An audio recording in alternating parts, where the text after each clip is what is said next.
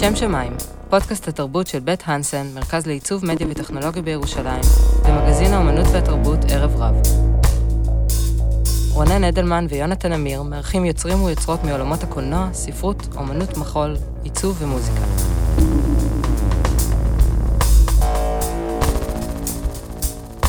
מאוקראינה למקום בטוח, שיחה על המקום של חינוך ויצירה במצבי אסון. פרק מיוחד שהוקלט בנוכחות קהל בעליית הגג של בית הנסן בערב פסח, אפריל 2022.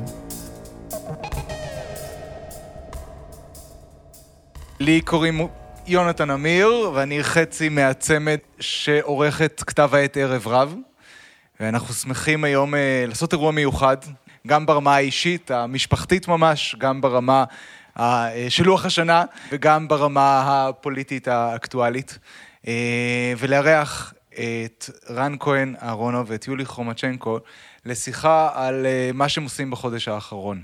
אה, אני אישית עוקב בהשתאות, פליאה ובהלה אחרי הפיד, העדכונים של יולי בפייסבוק, ממה שהיא עשתה בחודש האחרון אה, במולדובה על גבול אוקראינה.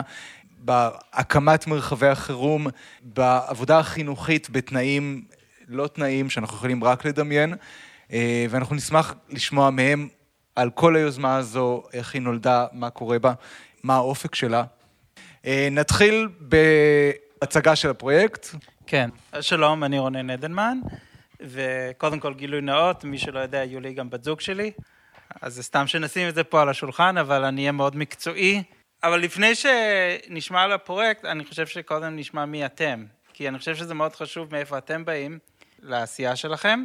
כשיולי נסע, אז היו אנשים שאלו אותי, מה יולי עושה באוקראינה, במולדבה, מה, היא חזרה להיות עיתונאית?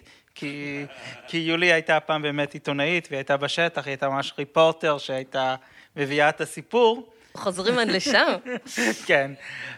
זהו, ואז אני, לא, היא שמה כאשת חינוך, כי היום יולי באמת עובדת בחינוך. אז בואי, יולי, תציגי את עצמך. אוקיי, אה, אהלן. אני יולי כרומצ'נקו, אה, ובגיל, אה, ובגיל שנתיים אה, עליתי מרוסיה לישראל. ולדבר הזה יש חשיבות לא פחות מאשר לעובדה שאני עוסקת בחינוך, אני עובדת, מנהלת תוכנית בשותפות במכון הדמוקרטי, תוכנית שנקראת חלוץ חינוכי, תוכנית שעוסקת במנהיגות מורים. ואני חושבת שלעובדה שנולדתי אה, בברית המועצות לשעבר, יש חשיבות לרגע שבו אה, התחילה המלחמה באוקראינה, והיא נהייתה די מהר המלחמה שלי. כלומר, אני חושבת שהרבה אנשים חווים את המלחמה הזאת, כלומר, כעול וכמשהו כבד, אבל זה שהיא, כאילו היא נגעה לי אישית, והרגישה אותי, הרגישה לי כמשהו שמחייב אחריות אישית, היה קשור לזה ש... בסוף אני משם. אה, ואז ברגע שככה דרך הפייסבוק, לכאורה במקרה ואולי לא, אה, ראיתי מודעה שרן פרסם אה, לגבי הזדמנות לאנשי חינוך דוברי רוסית לבוא ולהתנדב עם פליטים מאוקראינה, אז הרמתי טלפון, אמרתי, כאילו, מה, מה קורה, איפה אני יכולה לעזור, וככה זה התחיל. אז מי זה רן? אז אני רן. אולי נגיד שאני עוסק בשני תחומים מרכזיים, אחד זה חינוך לגיל הרך, והשני זה יצירה. אה, אני אשים רגע את היצירה בצד, אני רק אגיד שאני כותב ספרים, ויש לי פרויקט שנקרא ילדי בית העץ ביחד עם אח שלי. אולי נקשר את זה לאיזה עניין בהמשך. אה, וחוץ מזה, אני שותף לשתי יזמויות גדולות אה, בחינוך לגיל הרך, אחד זה ילדותה. זה ארגון שאנחנו כמה שותפים, אה, הקמנו אותו ביחד, והוא מנסה לעשות שינוי בגיל הרך בארץ, בעיקר. והשני זה ארלי סטארטר, שהקמתי אותו יחד עם אה, שותפה שעבדה איתי במשרד החוץ, שהיא הייתה מטעם משרד החוץ, ואני הייתי עוד במכון הדמוקרטי עם יולי, ועבדנו באפריקה, והחלטנו שאנחנו רוצים להקים ארגון שמביא את החינוך לגיל הרך, אה, בעיקר למקומות שאין או, או אין חינוך, או אה, אין, או אין חינוך לגיל הרך, או הוא באמת בשלבים מאוד מאוד ראשוניים שלו. ועבדנו בכמה מקומות, באתיופיה, בהאיטי, במלאווי, עם פליטים סורים ביוון, אה, ואז, אה, וביוון עבדנו עם ישראל, וכשהתחילה המלחמה, בלי הקשר הזה הרוסי שלא היה לי, גם לא השפה הרוסית, אבל אם, אני חושב שחלק מההקמה של הארגון הזה וחלק מ... מההתעסקות שלי בגיל הרך קשור לזה שאימא שלי היא ניצולת שואה, נפטרה לפני קצת יותר משנה, וניצלה על ידי משפחה נוצרית בהולנד שהחביאה אותה במשך שלוש שנים. משהו בזה מאוד הניע אותי בשנים האחרונות להתעסק באוכלוסייה כזאתי. ו... וכשהתחילה המלחמה, עברו איזה יומיים, שלושה, ו... והתקשרתי לנעמה מישראל ואמרתי לה, מה קורה? ואנחנו בדיוק, אה, יש לנו שני אנשים בשטח, עוד לא יודעים כלום, יש בלאגן, אטומי, מה... וכל יום התקשרתי אליה, אמרתי לה, מה קורה? מה קורה? ואחרי איזה שלושה ימים היא אמרה לי, תשמע, אפשר או לטוס היום, או מחר, או עוד שלושה שבועות כזה שנבין מה קורה. אז אמרתי לה, טוב, מחר. ואז יולי אה, בדיוק כתבה לי, ואמרתי יולי, את טסה איתי מחר? היא אמרה, רגע, כן. זה היה, בדיוק הדבר הזה, וטסנו. אז, אוקיי, אז אה, בוא נקפוץ ישר. אז, אז, ו... אז טסנו, וניתן לך את זה.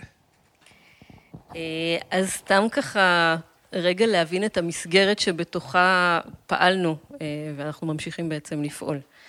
בעצם אה, מתחילת המלחמה, מסוף פברואר, חצו את הגבול בין אוקראינה למולדובה, זה הגבול הדרומי. כן, נמצאות שם ערים גדולות כמו אודסה.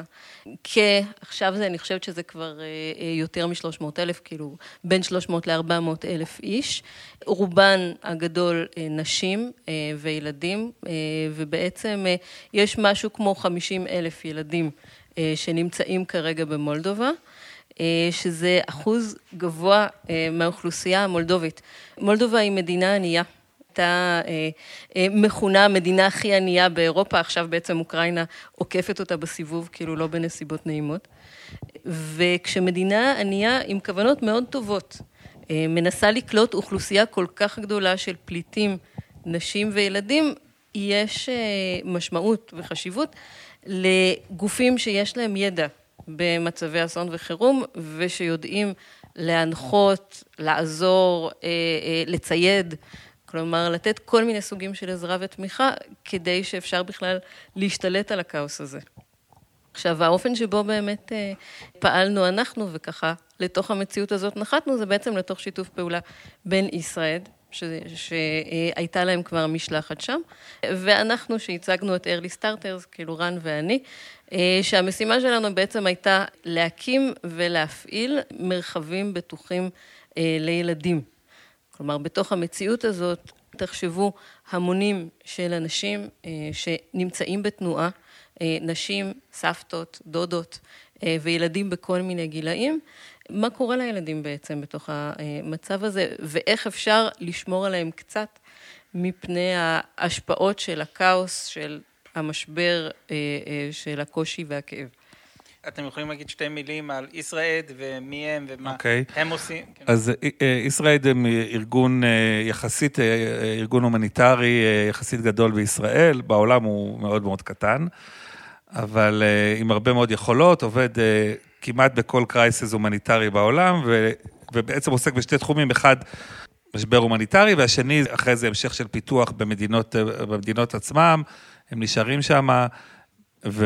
וכשהם באו לשם, הם כבר בנו איזשהו מערך לוגיסטי, אה, ואנחנו השתלבנו בתוך המערך הלוגיסטי שלהם, ובנוסף למה שאנחנו עושים, אז הם עושים גם שני דברים נוספים, בעיקר, או שלושה, אה, מענה רפואי, שהתגלה כמשהו שפחות צריך, שזה גם מה שקורה, נוסעים פתאום משלחת של רופאים ואחיות, ופתאום אין הרבה עבודה לרופאים והאחיות.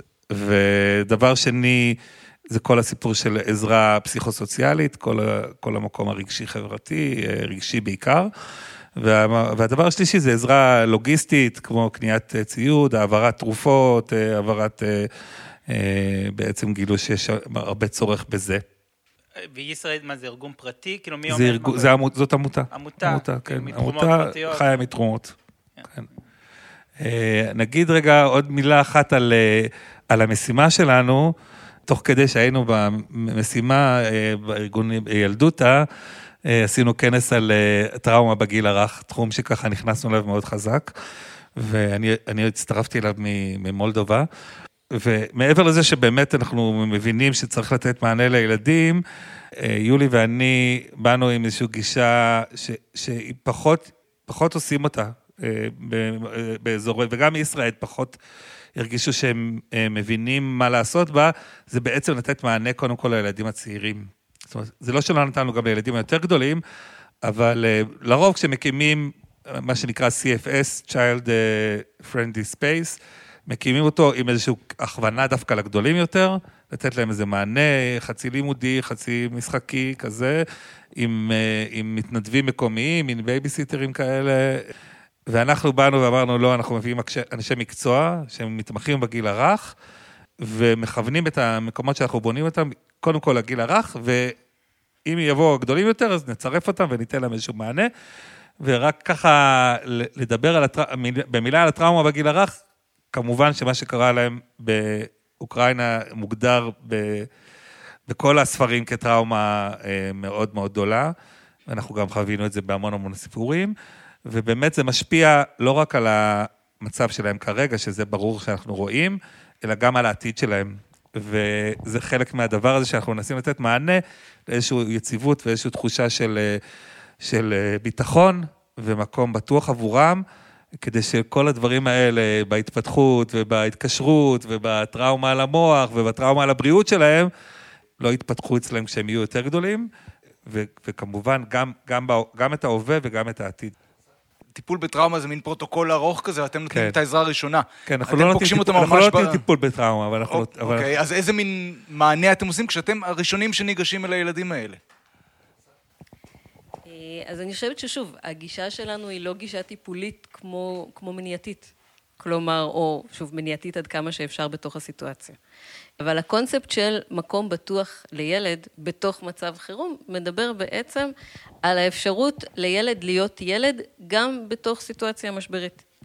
כלומר, גם בזמן שבו ההורים שלו, המבוגרים המשמעותיים בחיים שלו, לא פנויים אליו, לא רגשית ולא מעשית, כן? יש אנשים מבוגרים שצריכים, אולי ניקח את זה ככה ממש אה, אה, אה, למקום הראשון, כן? לתחנת המעבר הראשונה, בפלנקה, שזה מקום על הגבול. זה המקום שאליו בעצם אה, אה, מגיעים הפליטים אה, מאוקראינה אחרי שהם חוצים את הגבול, וזה הרגע שבו הם בעצם מתחילים לקלוט מה קורה איתם. כלומר, גם מבינים שהם פליטים. אנשים בהתחלה, נגיד, גם בתוך השיחות איתנו מסרבים לקרוא לעצמם ככה, כן? הם, הם ברחו, עברו את הגבול ורק אז הם מבינים מה קרה, כלומר, ומה הם השאירו מאחור. הם לבד, כלומר, זה בדרך כלל נשים לבד שהשאירו אה, בן זוג, אה, אבא, אח, אה, ילדים גדולים שם, כי להם אסור לצאת. והם צריכים עכשיו לחשב מאוד מהר את החיים שלהם מחדש. או להחליט שהם נוסעים הלאה.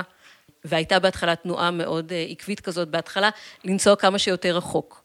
כמה שיותר מערבה לצרפת, לספרד, כלומר לגרמניה, כמה שיותר רחוק. או להחליט שנשארים במקום כמו מולדובה, ומחכים שמשהו יקרה, וגם זה, בתוך מציאות מאוד לא ודאית.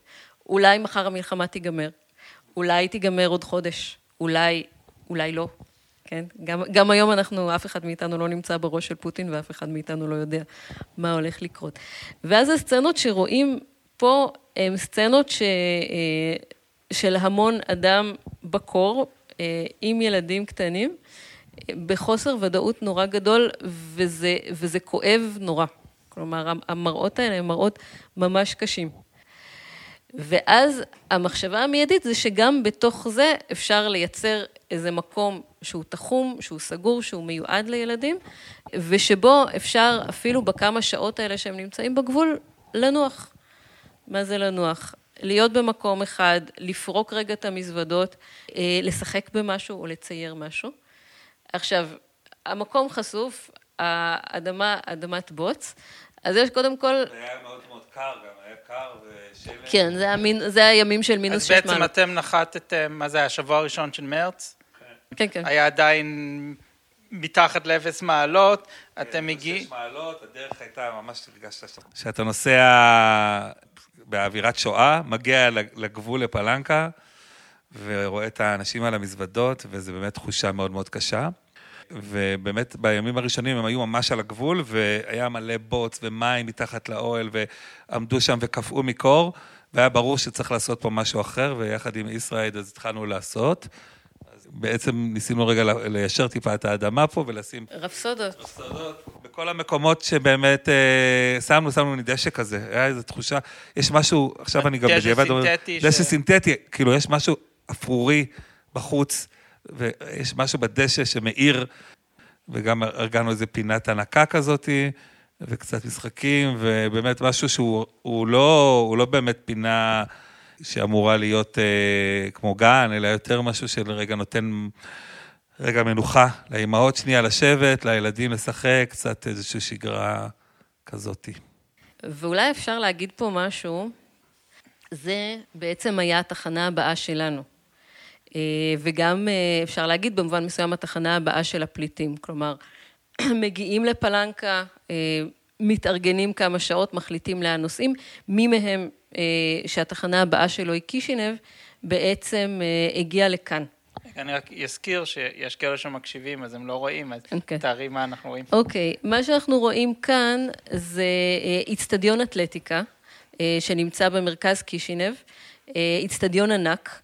שהיה בעצם תחנה ראשונה לקליטת פליטים, עדיין בשלב המאוד ראשוני וכאוטי, אה, ומה שקרה פה זה שפשוט לאורך כל האיצטדיון הציבו 800 מיטות, מיטות מזרונים, אחת ליד השנייה, בלי שום חלוקה, פרטיות, אה, אה, איזשהו היגיון מסדר, ושם אנשים חיו. משהו כמו שלושה שבועות, נכון? עד שהמקום נסגר, בתנאים מאוד מאוד קשים. אם אתם מנסים רגע לדמיין את עצמכם, כן? בתוך מקום שבו אתם נמצאים 24-7, כולם, כן? הורים, ילדים, אה, אה, כל מיני דורות, בתוך מקום פתוח כזה, שאין בו שום פרטיות או הזדמנות לכבוד אדם, שני אה, חדרי שירותים, שתי מקלחות. וגם בתוך המקום הזה היה ברור לנו שאם אנחנו רוצים פתרון לילדים, אנחנו צריכים לתחום משהו.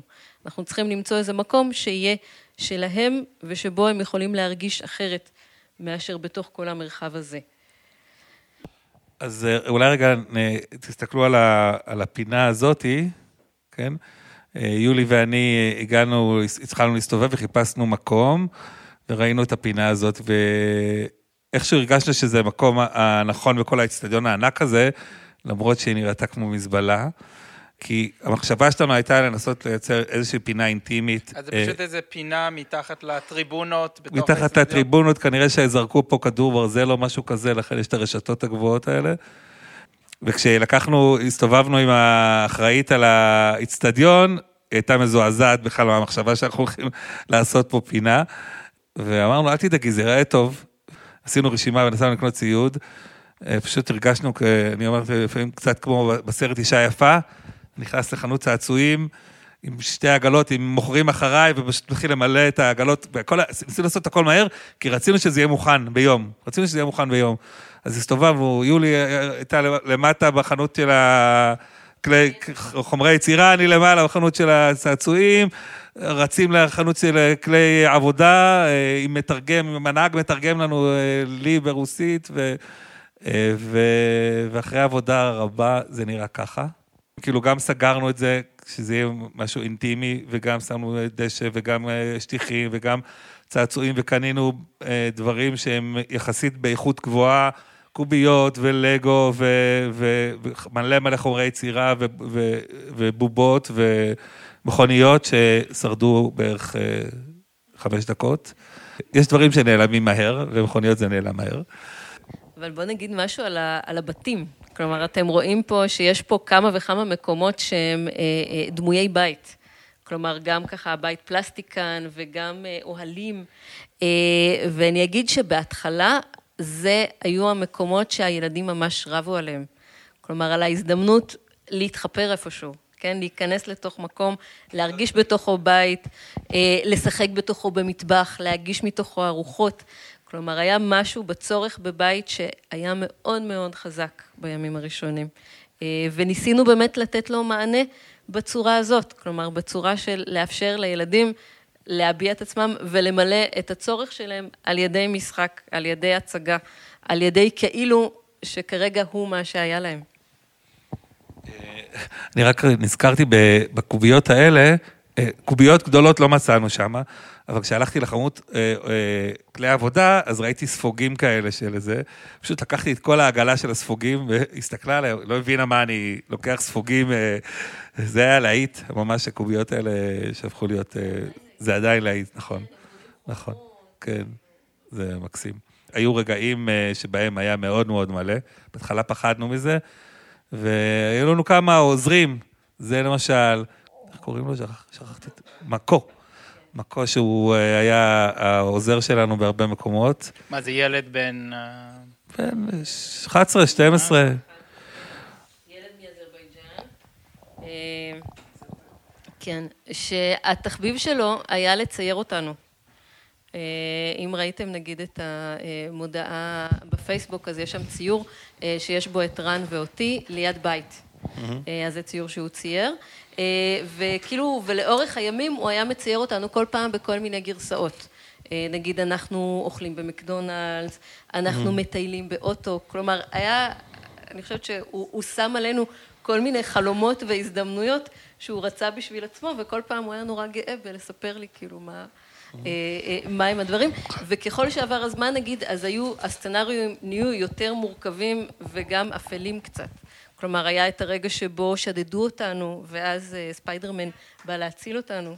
כלומר, אה, שזה גם משהו שרואים. כלומר, יש בהתחלה, נגיד, משהו של הילדים שהוא עוד כאילו מחזיק, אה, וככל שהזמן עובר והם מרגישים גם יותר נוח, אז כאילו תכנים יותר מורכבים מתחילים לצאת. אולי גם נגיד שני דברים חשובים פה. רוב האוכלוסייה באיצטדיון היו מה שנקרא רומא פיפול, צוענים.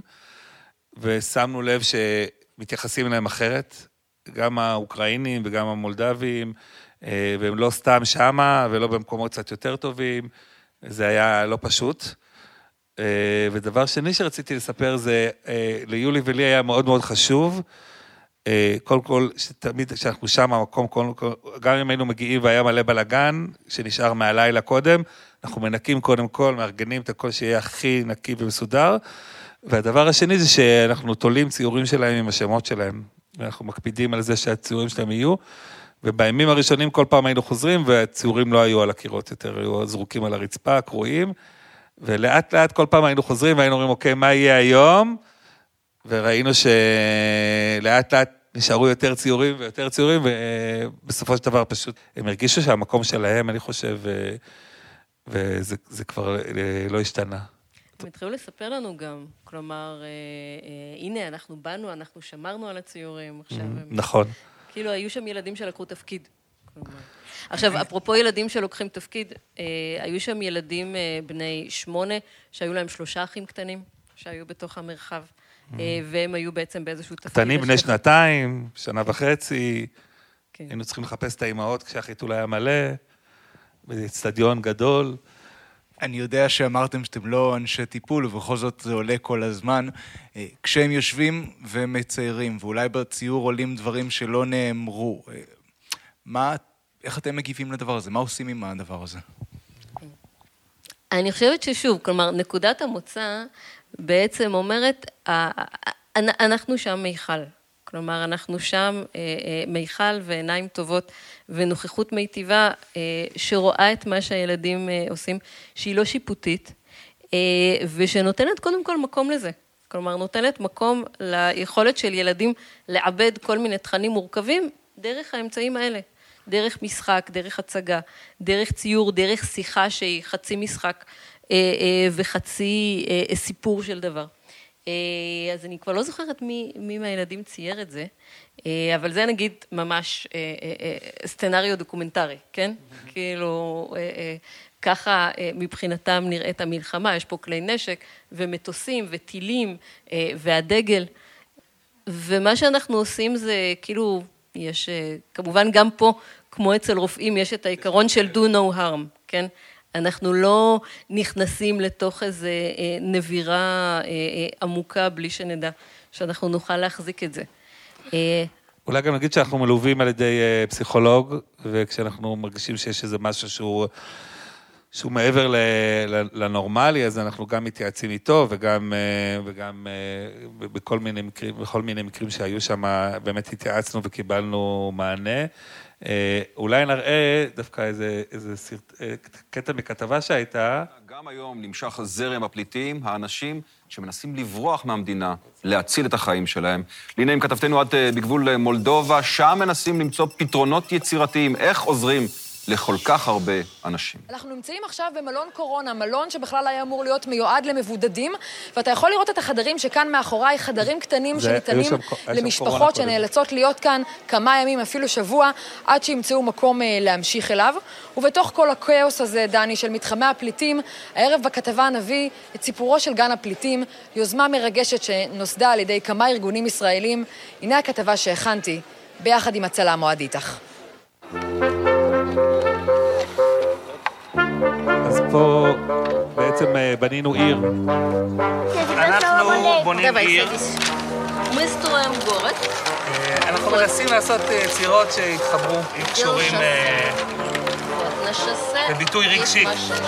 תביאי איזה עיר. אודסה? לא, הם כל אחד אמרו שהם רוצים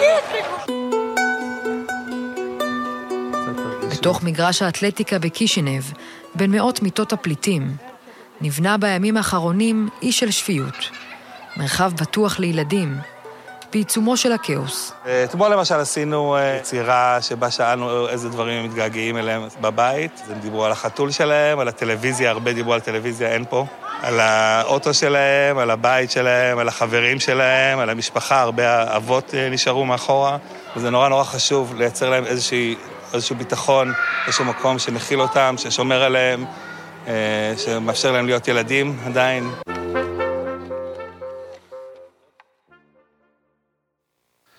המקום שראיתם קודם, שהוא בעצם שלב אחד אחרי מנאז', וכמו שהיא אמרה בכתבה, זה מין מרכז כזה שהיה מרכז אקספו גדול, אה, שהפך להיות אה, מין מלון קורונה, והפכו אותו למרכז לפליטים, ובו הילדים נשארים לתקופות יותר ארוכות, בין שבוע לכמה שבועות.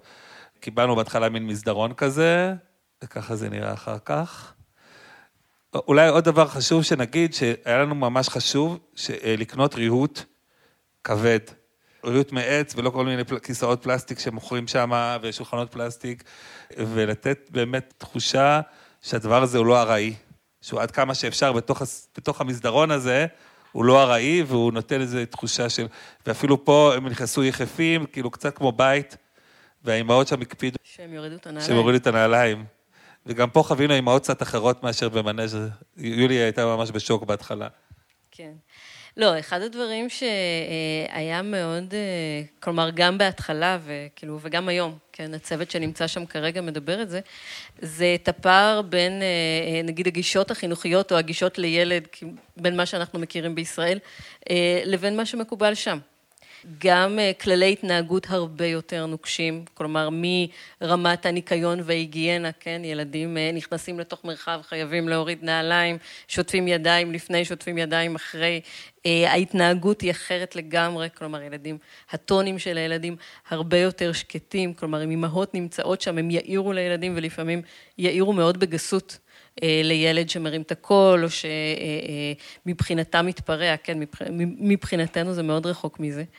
ויש שימוש לפעמים בשפה מאוד קשה כלפי ילדים, שאני חושבת שאף הורה אה, ישראלי בפרהסיה לא היה מרשה לעצמו.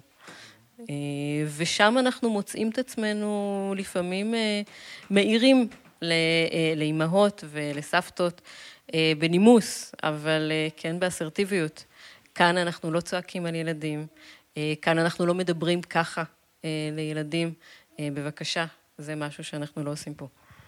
אולי גם אה, נגיד משהו על הצוותים שיש לנו מאז, אנחנו, יולי ואני בעצם חזרנו והתחלנו להוציא צוותים אה, של אנשי חינוך אה, לגיל הרך בעיקר, אנשי חינוך, טיפול, כרגע הג'ינג'ית הזאת זאת אנה, שעובד איתה בוריס, שהוא מנהל בית ספר הבית העגול בפרדס חנה, ו, והתמונה הזאת היא תמונה מקסימה, כי אנה ארגנה פה יום הולדת לאחת הבנות, ברגע מאוד מאוד מרגש, אה, שהיא חגגה את היום הולדת אה, לילדה, עם כל הילדים האלה שלא מכירים אותה בכלל, ועם מוגה. ציירו לה ציורים. וציירו לה ציורים, והיא סיפרה שהאימא והסבתא יצאו אחרי זה בחוץ ובכו.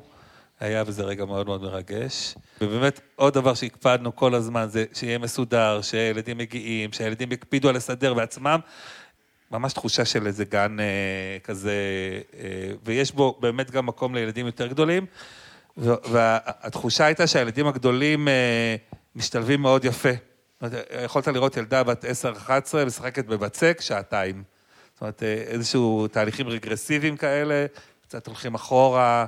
אה, הם גם ישחקו מונופול, אבל, או גם ישחקו ביניהם כמין שיחת טינג'רים כזאת, אבל, אבל הם גם ישחקו בבצק ויציירו, ויציירו הרבה זמן.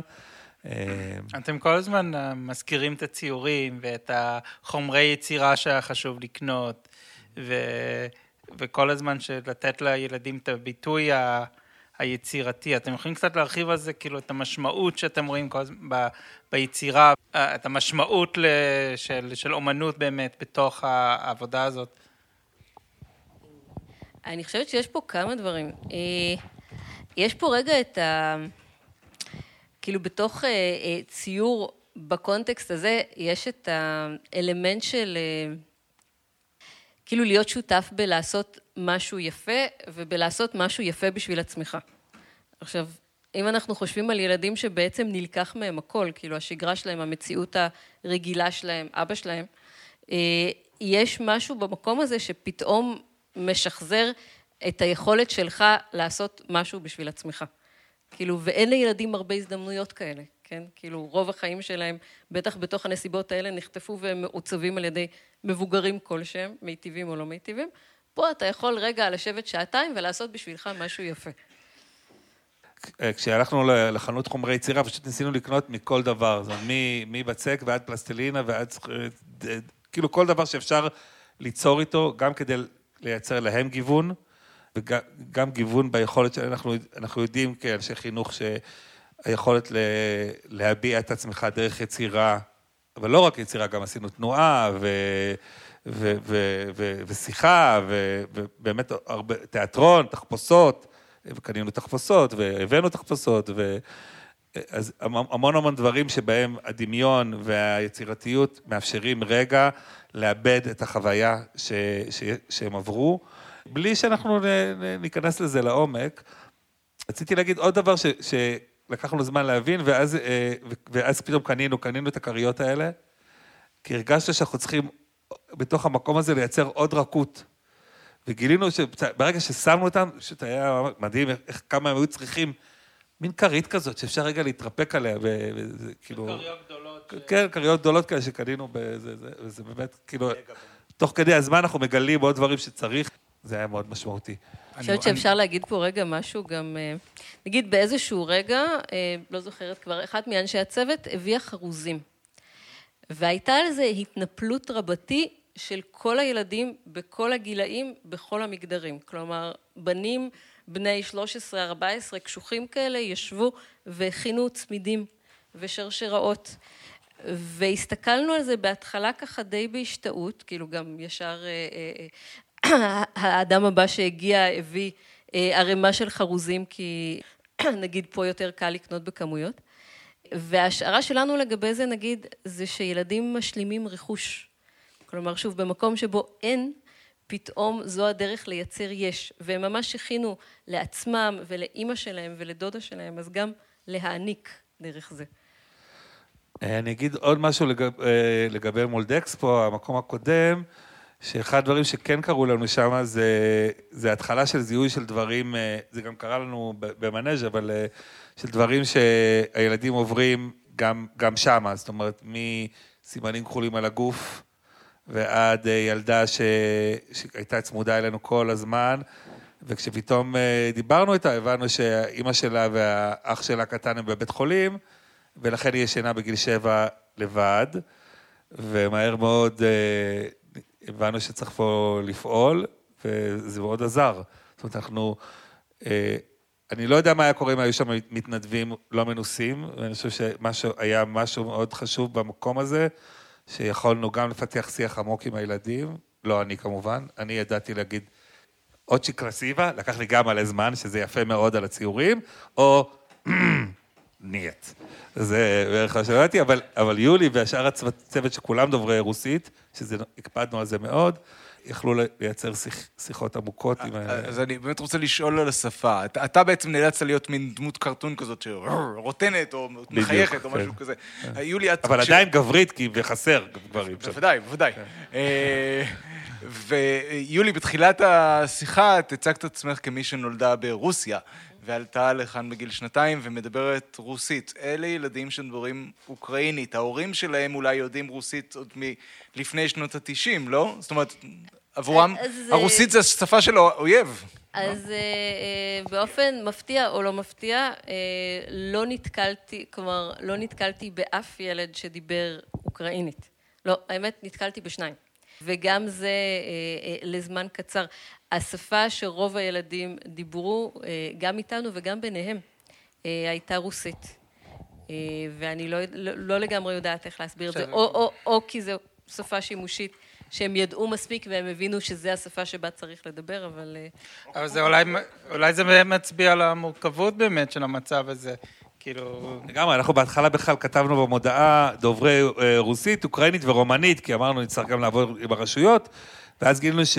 כל האנשים במולדובה יודעים גם רוסית, או רובם, ובאמת האוקראינית והרומנית אה, כבר היו פחות נדרשים אולי רק לאיש הלוגיסטיקה שעבד מולהם. אה. באיזשהו מקום כאילו בניתם safe um, space לילדים, אבל גם אתם הייתם עם ה safe space הזה. איך, נכון. איך המלחמה שממש מתרחשת כמה קילומטרים מכם, הוא חדר? אני חושבת שיש, קודם כל יש משהו במקום המוגן שיצרנו שהגן גם עלינו. כלומר, היה משהו שהצליח להשאיר אה, לפחות חלק מאימי המלחמה בחוץ. כלומר, הרגשנו אותם הרבה יותר כשהגענו לגבול, או כשהגיעו אנשים ממש חדשים, ואז ככה גם אה, אה, הביאו מהר מאוד את החוויות שלהם. ואז לפעמים הדברים הגיעו באמת מתוך שיחות, כאילו שיחות אקראיות לכאורה, עם ילדים שפתאום מביאים איזו מציאות נורא קשה, או עם אימהות שפתאום מרגישות מספיק נוח בשביל לשבת ולדבר. מה שכן ראינו נגיד עם ילדים גדולים יותר, זה ילדים שנגיד אה, אה, אה, נתנו להם טלפון ושלחו אותם לאנשהו כדי שלא יפריעו, זה שהם חשופים להכל. כלומר, הם רואים את הסרטונים הכי קשים, את תמונות הטבח הכי נוראיות, בלי שום בקרה או הגנה. אני, אני אגיד אולי משהו על המקום השלישי בעצם שהקמנו. אה, בתוך מין בית הבראה סובייטי, שלא נאמר, אה, איך קראת לו? בורדל אה, סובייטי, ככה הוא נראה, שכנראה היה סגור ופתחו אותו עבורם, אבל באמת, בשונה מהמקומות האחרים, הוא מקום שבו כשאלנו את האימהות, אמרו לנו, אנחנו נשארות פה. כאילו, אנחנו כרגע לא זזות עד שהמלחמה תיגמר, אז זה בעצם המקום הקבוע הראשון שנתקלנו בו. והפכנו אותו באמת למין מקום כזה נעים. אבל מה שרציתי להגיד בקשר לשאלה שלך, שאלין וליבי שעבדו שם, אה, שהיו בעצם הצוות השלישי שנסע, אה, אלין אה, מאוד מאוד נקשרה לילדים פה, כי הם היו ילדים קבועים, זאת אומרת, כל, כל יום היא פגשה את אותם ילדים, בשונה מהמקומות האחרים, שהרבה פעמים הייתה תחלופה. ואז ביום לפני שהם היו צריכים לעזוב, אז היא אמרה לי, אני לא יודעת מה לעשות, אני כל הזמן בוכה. אני בוכה. אה, אה, ואני לא רוצה לבכות ליד הילדים, אז אמרתי לה, אה, זה, זה מה שאת, את מתרגשת, את צריכה להגיד לילדים, אני, אני בוכה מהר, אני מתרגשת, קשה לי לעזוב אתכם, ותגידי להם את זה, וזה בסדר, כאילו, ו... וזה היה, וזה, ו, וזה היה חשוב, אני חושב שהיה חשוב ש, שהם יראו שהיא נקשרה עליהם, וש, ושקשה לה לעזוב אותם. אני חושב שגם להם זה היה חשוב, וזה עבר ממש בסדר, וכמובן היא בכתה, ו... אבל, אה, אבל אה, אז, אז אני חושב שכאילו, אנחנו גם כל הזמן מקבלים אה, כל מיני פידבקים מסנטוריני, כי, כי כבר יש שם איזה קשר כזה, אז, אז, אז אנחנו מקבלים כל מיני הודעות כאלה על, ה, עם המון המון הערכה למה שאנחנו עושים שם, כי לפני זה לא היה שם כלום, כלום.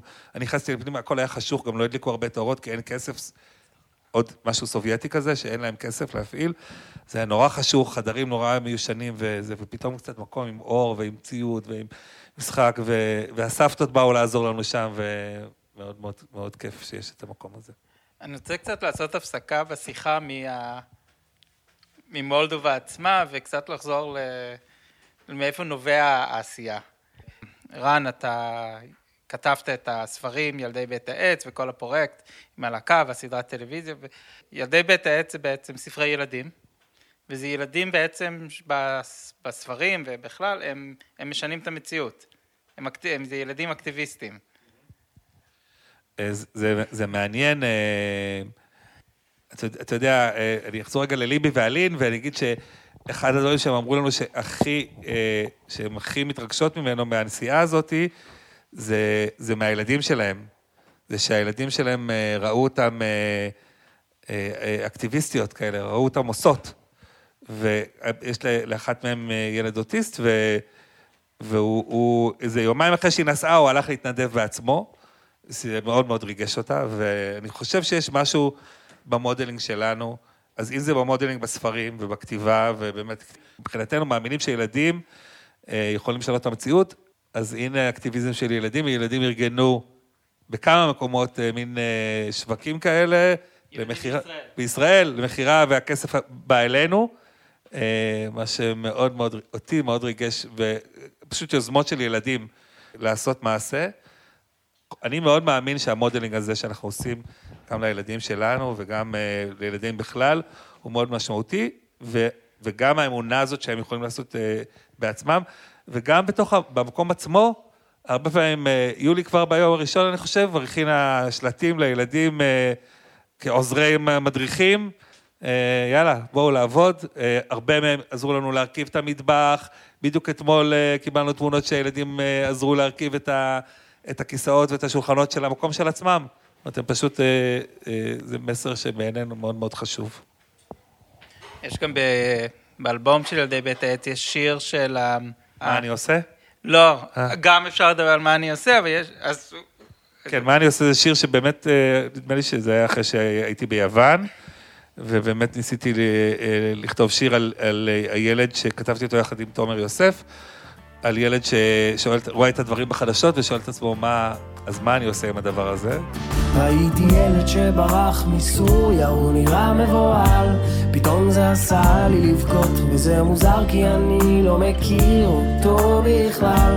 אז איך זה שעולות לי דמעות, זה אף פעם לא קורה לי. אולי זה בגלל שהוא קצת דומה לי. אז מה אני עושה? משפחה שהצילה את אימא שלי בשואה, יש להם אה, בת שקוראים לה פיט, שהיא הייתה בעצם האחות הגדולה של אימא שלי, שהייתה הולכת לבית ספר בזמן השואה ושומרת בסוד את זה שהיא מחביאה ילדה אצלה בבית, ואנחנו בקשר, אה, כמו שהיא הייתה אחותה לגמרי של אימא שלי כל השנים, אז אנחנו עדיין בקשר מאוד מאוד מאוד מאוד טוב, אז היא כתבה לי משהו על זה שהיא ראתה בפייסבוק באמת את הזה, וכתבתי לה שמבחינתי המודל לחיקוי שלי זה ההורים שלה, ואני באמת חושב שזה... אה, היו מעט מאוד אנשים שעשו את זה אז, ואני מקווה שיהיו...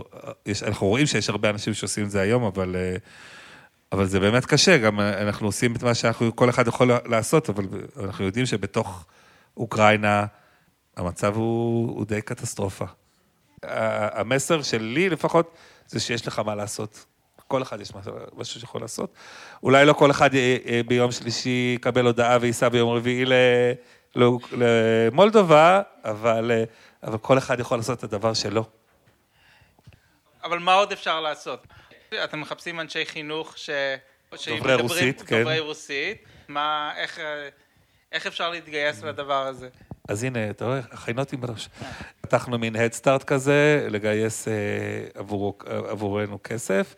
קרו כל מיני דברים מאוד נחמדים סביב הדבר הזה, של אה, מקומות עבודה שנתנו מתנה לחג, תרומה עבורנו. אה, ימי הולדת. ימי הולדת, נכון. אה, אז זהו, להפיץ את זה, כן, ש... כי זה חשוב, אני, אני אגיד, אנחנו לא רואים את עצמנו חוזרים, לא, בש, לא, לא, לא בשנה הקרובה, לא אנחנו ולא ישראל, לפחות נראה לי שנה אנחנו נשאר שם. כי תישארו שם, כאילו, לא, כן. לא, כאילו לא כן. חוזרים משם. לא חוזרים משם, כן. וגם כשנחזור משם, כשתיגמר המלחמה, אינשאללה, זה ברור שנצטרך לנסוע לתוך אוקראינה, זה ברור שהמצב שם קטסטרופה, זה ברור שהרבה מאוד מהילדים יצטרכו להיות שם בשלטרים.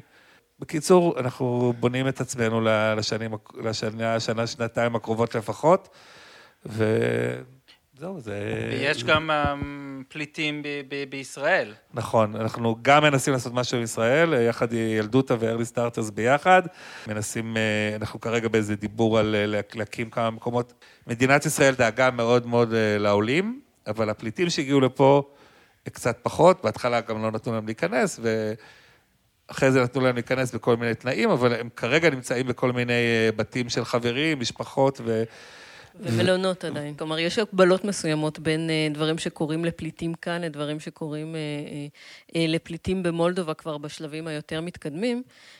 וזה שבאיזשהו שלב אנשים מתחילים ככה לעזוב את המקלטים ולחפש דירות בקהילה, בשכונות, דרך מכרים, דרך קבוצות פייסבוק, כמו שאנשים מחפשים דירות.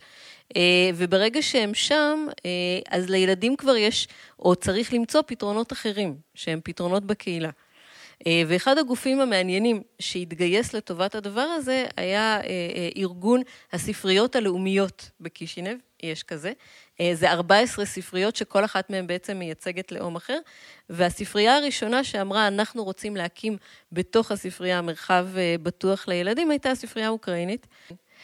וגם שם היה איזה, גם מהלך של הכשרה שלהם, כן? חמש ספרניות מבוגרות שאין להן ניסיון בעבודה עם ילדים, והיו צריכות רגע די מהר להבין איך זה הולך להיות, איך הן רוצות לנהל את זה, איך זה הולך להיות מאובזר, איזה שטיח קונים, כן? היו דיונים ארוכים על השטיח ועל איך הוא הולך להתאים.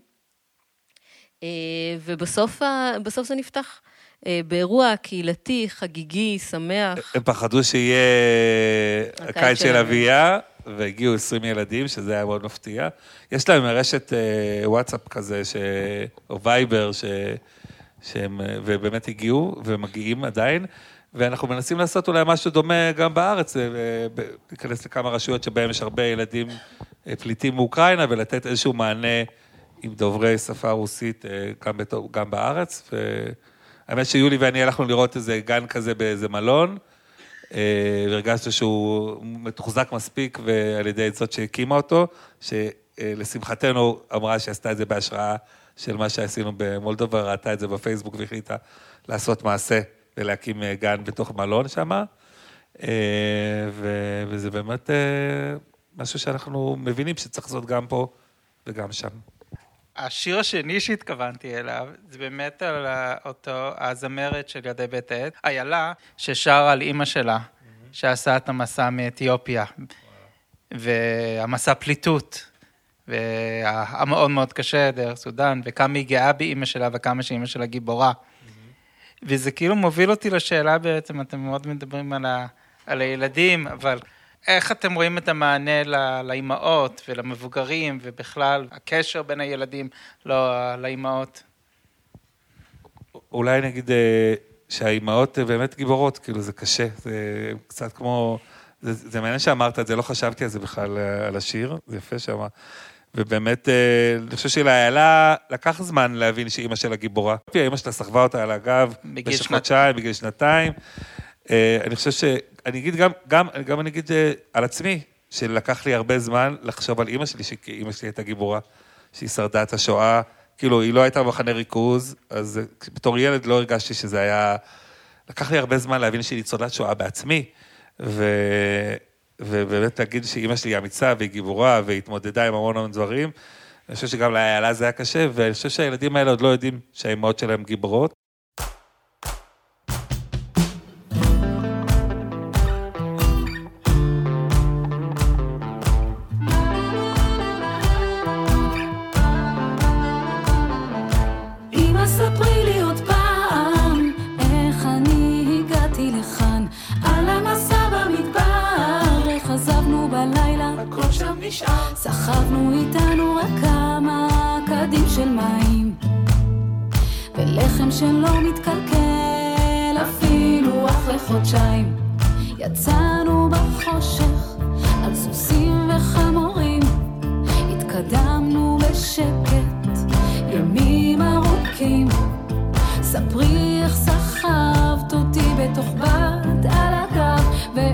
שתינו מעץ שנזל ממנו חלב. אמא, ספרי לי עוד פעם אחת על המסע מאתיופיה, את החלום שלך הגשמת, בשבילי את הכי גיבורה. אמא, ספרי לי עוד פעם אחת על המסע מאתיופיה, את החלום שלך הגשמת, אמא שלי את הכי בתוך המשלחת uh, של ישראל, למשל, יש uh, אנשים שחלק מהתפקיד שלהם היה באמת לעבוד עם האימהות. כלומר, ממש סדנאות של uh, עזרה עצמית, של שיח, של רגע הזדמנות גם, שוב, דיברנו קצת קודם על ה... ככה, על האתוס הקצת סובייטי הזה, שבו מאוד מחזיקים. כן, וזה, וזה גם הגיוני אה, להבין את זה, כלומר, מעבר לאתוס. כלומר, יש איזו סיטואציה שבה את בתנועה, את צריכה להחזיק אחריות על, אה, אה, על אימא שלך, על אחותך, על ילדים קטנים, ואת באיזה מקום שלא לא מביע רגש, שכאילו מאוד עסוק בפרקטיות. ואז כשיש מקום שפתאום אפשר רגע קצת להתרווח בו, קצת להיות יותר נינוחים, קצת לבכות. קצת להודות בזה שכואב ושקשה, ו- ולהבין שאת לא לבד בתוך זה, אה, שאת חלק מקבוצה ושהקבוצה יכולה גם לתמוך בך באיזושהי צורה, אה, זה משהו שהוא נגיד לא טבעי, הוא לא בשפה, כאילו, או בתרבות, אה, כאילו הפוסט-סובייטית, אבל כשהוא ניתן, אנחנו רואים כמה הוא חשוב, כאילו, וכמה נשים בעצם מעריכות את זה. אמא שלי, את הכי גיבורה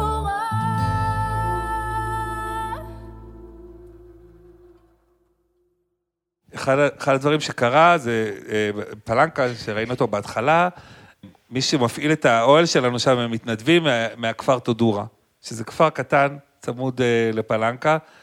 אה, יולי כבר דיברה על, על העוני שיש במדינה הזאת, אז בכפר הזה הוא כפר מאוד מאוד עני, מצ, מצד אחד. מצד שני, הם מארחים 200 פליטים בבתים שלהם, כבר מתחילת המלחמה, בצורה פשוט מדהימה, מדהימה. ואז ככה הצוות, ה... שרון ודינה, שהם עבודות סוציאליות, הציעו שנבנה שם איזשהו מרחב כזה לילד, לילדים, גם, גם של הכפר וגם הפליטים. כשבאיזשהו שלב שאלו אותם, אז, אז מה אתם צריכים, חוץ מהמקום מה, הזה, אז הם אמרו אוכל. הם קצת התביישו להגיד שאין להם אוכל, אין להם שם אוכל, וגם הם וגם הפליטים אוכלים תפוחי אדמה, בעיקר. וישראד ארגנו משאית אה, מלאה באוכל ומוצרי היגיינה, והביאה אותם לטודורה. הייתה שם התרגשות מאוד מאוד גדולה, כולם מתארים את זה, אני לא הייתי, רק כשהם חזרו מרוגשים ביותר, מספרים על רגעים אה, פשוט אה, של דמעות כזה, של פתאום, כאילו לקח זמן להבין, אני אומר, אולי חודש רק להבין שיש שם מחסור באוכל. פשוט איזושהי גאווה כזאת ואיזושהי אחריות לא לקטר ולא... אה, וכבר יצאה משאית שנייה לשם, ורגעים מאוד מרגשים, ובכלל העם המולדבי, אה, אני חושב שהוא מתעלה, כל מקום שכמעט אנחנו הולכים, נותנים לנו המון המון פידבק חיובי, והנחות בחנויות, זה מאוד, זה מאוד מרגש לראות. בכלל, יש איזו נקודת מוצא שם שזה נורא ברור שהפליטים מגיעים, ונורא ברור שצריך לארח אותם. כלומר, אין פה שאלה בכלל. כלומר, אם פה ככה בתוך המציאות הישראלית יש את ה... ההתעסקות הזאת במי כן ומי לא, וכמה כן וכמה לא, שם זה כאילו, ושוב, למרות עוני מאוד גדול של המדינה, זה מובן מאליו. כן. עכשיו, נקודה שאולי נגעתם בו, אבל לא, לא הדגשתם, זה המקום הזה שאתם באים לעבוד שם, זה מאוד לעבוד עם מה שיש שם. וכמו שאתם אומרים, אתם הלכתם לחנויות שם בשביל לקנות. זה... כן, כל פעם ששואלים אותנו מה, מה להביא, או מה, כאילו הצוות, הנה, אה, יוליה עכשיו סיימה שיחה עם הצוות שנמצא שם, והצוות שייסע ביום ראשון. וכל הזמן שואלים, אז מה להביא? אז אנחנו, אנחנו דווקא מקפידים לקנות שם, כי אנחנו רוצים כן לעודד את, ה, אה, את הקניות אה, במקום ולהוציא את הכסף שמה, ולא להביא דברים מהארץ. וזה נראה לנו, נראה לנו חשוב גם לעודד את הכלכלה המקומית בדבר הזה. בקהל שלנו יש הרבה אומנים למיניהם, אמרתם, יש רק מקום לדוברי רוסית. כן, יש כל הזמן, אבל נגיד ארגון תרבות, אז הם, הם הביאו גם אומנים דוברי עברית וגם אומנים דוברי רוסית, וביחד הם עשו כל מיני דברים, גם במוזיקה. וגם, וגם ליצנות ובדרמה, וגם תפרו בובות, ו... אז, אז, אז, אז כמובן ליצנים, ליצנים זה יותר קל, כי הם, הם עושים קולות בג'יבריש וזה, היו שם גם ליצנים דוברי רוסית. הגיעו, זה תיאטרון השעה, זה תיאטרון שיש לי בו הצגה, איזה חיבור קטן, הגיע שחקן דובר רוסית לעשות הצגת יחיד. עשו דברים מקסימים, וזה היה, זה, זה בעיניי גם שובר שגרה וגם... באים מכל הלב, וזה זה, זה מאוד מאוד נחמד. יש שאלות מהקהל? אה, אני יודע שקשה לחזות את העתיד, במיוחד כשלא יודעים אם המלחמה הזאת תימשך עוד אה, שבועות או חודשים או שנים, אבל מה, מה התחזית לגבי, עד כמה שאתם מסוגלים לחזות לגבי. אה, איך כל זה ישפיע על ההתפתחות העתידית, נגיד, מה יהיה המצב של הילדים האלה בעוד עשר שנים? נפשית ופסיכולוגית, האם, כאילו... א', שאלה טובה. אני אגיד רגע, מבחינתנו המשימה שלנו זה כן להסתכל על עשר שנים קדימה, ואמרתי את זה בהתחלה, שהסיפור של הטראומה, לנסות כאילו, להקהות אותה עד כמה שאפשר, ולתת לה מענה, אה, כדי שבאמת עוד עשר שנים קדימה, הם לא, לא, לא, זה לא אה, יפגע בהם, אה, בתפקוד שלהם ביום-יום. אה, בתור בן לניצולת שואה, אני יודע כמה זה, כמה זה, היא הייתה בגיל שלוש עד שש, אימא שלי, אז אני יודע עד כמה זה פגע לה בחיים. אה, ואני אגיד ש, שכן, יש כל הזמן, אה, החוסר ודאות היא גם כן תחושה נורא נורא קשה, לחיות בחוסר ודאות.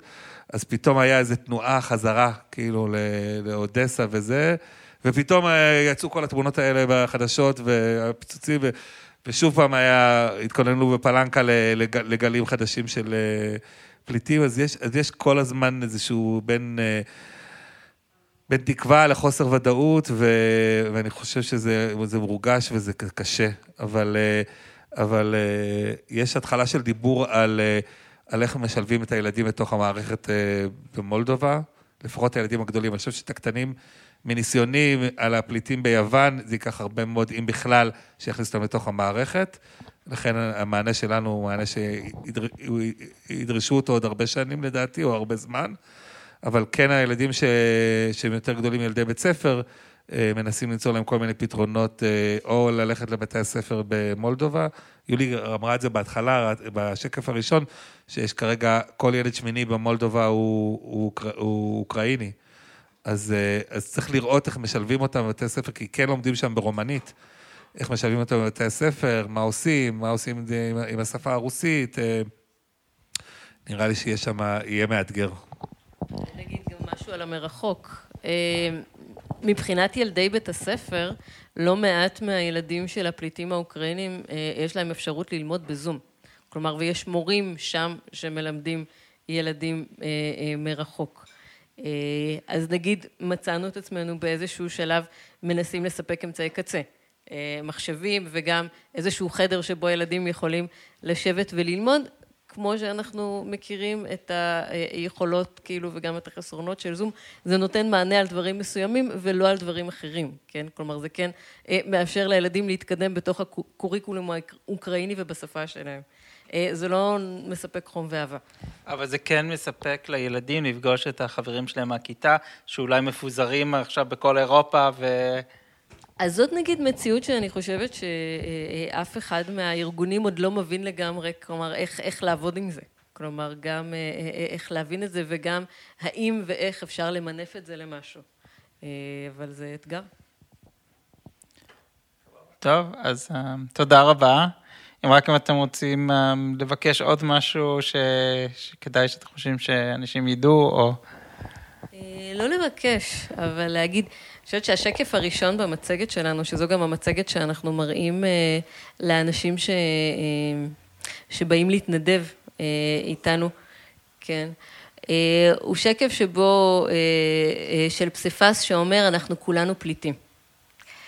ואני חושבת, רן דיבר על, ה, על ההיסטוריה המשפחתית שלו. אבא שלי ואימא שלי היו ילדים בזמן מלחמת העולם השנייה. נולדו בזמן מלחמת העולם השנייה וגדלו בזמן מלחמת העולם השנייה, אבל יש משהו... וגם ב... הם ברחו מהעיר. נכון, וגם הם ברחו וחזרו. יש משהו במציאות הזאת של פליטות, שברגע שנפגשים איתה כל כך מקרוב, היא מבהירה לנו, א', כמה המציאות שלנו היא שבירה. כלומר, כמה הביטחון שבתוכו אנחנו מאוד רגילים לחיות יכול ברגע אחד להתנתק, אה, אה, וכמה כל אחד מאיתנו יכול למצוא את עצמנו בתוך הסיטואציה הזאת. אה, ואז זה גם מביא למקום של הרבה אמפתיה, וגם של נכונות להיות פעיל בתוך המקום הזה. כי זה לא שאנחנו עושים בשביל אחרים, אנחנו בעצם עושים בשביל עצמנו שהיינו יכולים להיות שם. כן, אני חושב שרן, אתה גם אמרת בשיחה הקודמת שלנו, שבעצם אתה לא מרגיש שאתה המקריב, כאילו, או, אני רואה את זה גם אני, שזה, הרבה פעמים אומרים, כל הכבוד ליולי שישה, וכל הכבוד, שזה נכון, באמת כל הכבוד, אבל אתה דיברת על שזה בעצם, זה לא, אתה לא מרגיש שאתה עושה משהו, כאילו, מקריב משהו במיוחד. או... אפילו יותר, יותר רחוק, אני, לפעמים אני אמרתי, אמרתי לך שאני מרגיש לפעמים אה, רמאי קצת, כאילו, אה, אה, שאני כאילו, כאילו הפער הזה בין, בין איך שאנשים מגיבים אליך ואומרים, לבין התחושות הפנימיות שלא רציתי לחזור ממולדובה. זאת אומרת, מבחינתי להישאר שם, כי אני חושב שהתחושת משמעות שלנו היא מהגבוהות שיש. אני, אני כאילו, אני עוד לא מעכל את מה שאנחנו עושים שם, אבל אני... את חלק מהדברים אני מרגיש כאילו שזו הייתה החוויה הכי משמעותית שעברתי עד היום, by far, וכן עבדתי עם פליטים אה, גם מסוריה וגם באפריקה, ו, ו, ובאמת חוויית המשמעות הזאת, שהיא כל כך חזקה, היא קצת uh, מבלבלת. היא מבלבלת בתחושה הזאת שבאמת... Uh, אני מרגיש שאנחנו עושים משהו ש... שאני לא רוצה להגיד כיף, אבל שאנחנו מרגישים כשאתה מרגיש מאוד משמעותי, אתה מרגיש טוב. ואז כשמישהו אומר לך, וואו, זה מדהים, שזה, אז כאילו, אתה מרגיש את הפער הזה בין המקום הזה של, אני מרגיש, אבל טוב במה שאני עושה, לבין, ה, לבין ה, מה שאומרים עליי. אז זה, זה קצת מבלבל, אבל בסדר. רגע, אז אני רוצה להתעכב רגע על, על הפער הזה, על ה... כאילו, יוליה, את שעובדת בחינוך, אז בעצם עובדים על פרויקטים, על זה, ובונים איזשהו תהליך שינוי, ותהליך, ואולי רואים רק את התוצאות שלו עוד חמש שנים. אותו דבר שעובדים עם גיל הרך, שלא לדבר שמתעסקים באומנות ותרבות. אתה יודע, אתה מוציא ספר, יכול להיות שזה השפיע על איזשהו ילד בן שבע או שמונה, ורק אנחנו רק נדע על ההשפעה, ש... או על המוזיקה וכל זה. לעומת זאת שמגיעים לאיזשהו מקום שכאילו ממש אתם רואים את ההשפעה של העבודה שלכם בצורה מיידית.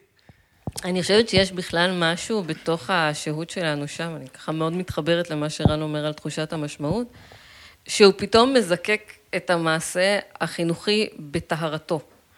כלומר, שנינו בתור אה, אנשים שמנהלים פרויקטים גדולים, הרבה פעמים מוצאים את עצמנו מתעסקים הרבה בבירוקרטיה ובפדגוגיה ובפוליטיקה של החינוך, ככה ממש במסביב. ופה אתה פתאום עומד קצת עירום וחשוף מול הדבר האמיתי, כאילו, יש ילד ויש מבוגר שרואה אותו, וזה מה שצריך. ויש לדבר הזה כוח מטורף בלראות את זה, וגם בכאילו להצליח להקים את זה תוך יום. כלומר, אתמול לא היה כלום, היה אה, פינה עם ג'יפה, כאילו עכשיו יש מרחב שבתוכו כבר מתחילים להתרחש דברים שכבר לא רק אנחנו מחוללים אותם, כאילו המרחב מחולל אותם. ויש בתוך זה איזה מין ממש תחושת קסם, כאילו זה מגי, אה, שהוא הוא, הוא עמוק והוא יקר, כן, לגמרי. אז אולי בכל זאת לסכם את הסיכום.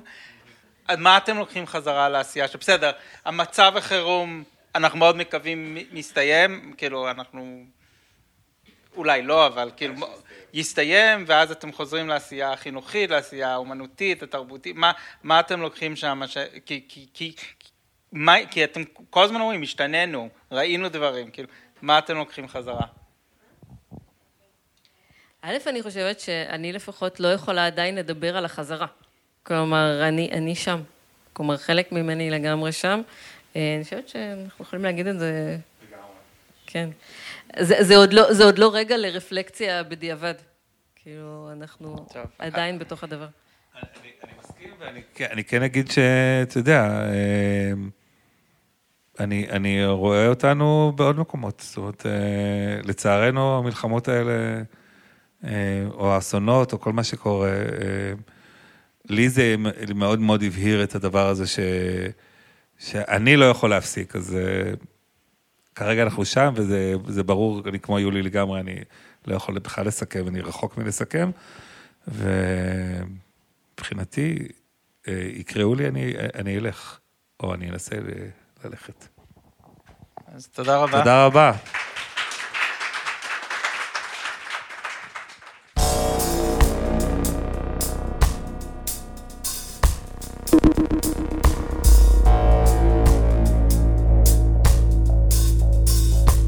לשם שמיים מופק ביוזמת בית הנסן וחברת רן וולף, ובתמיכת הרשות לפיתוח ירושלים ומשרד ירושלים ומורשת. למידע נוסף, כישורים ותגובות, בקרו באתר בית הנסן ובאתר ערב רב.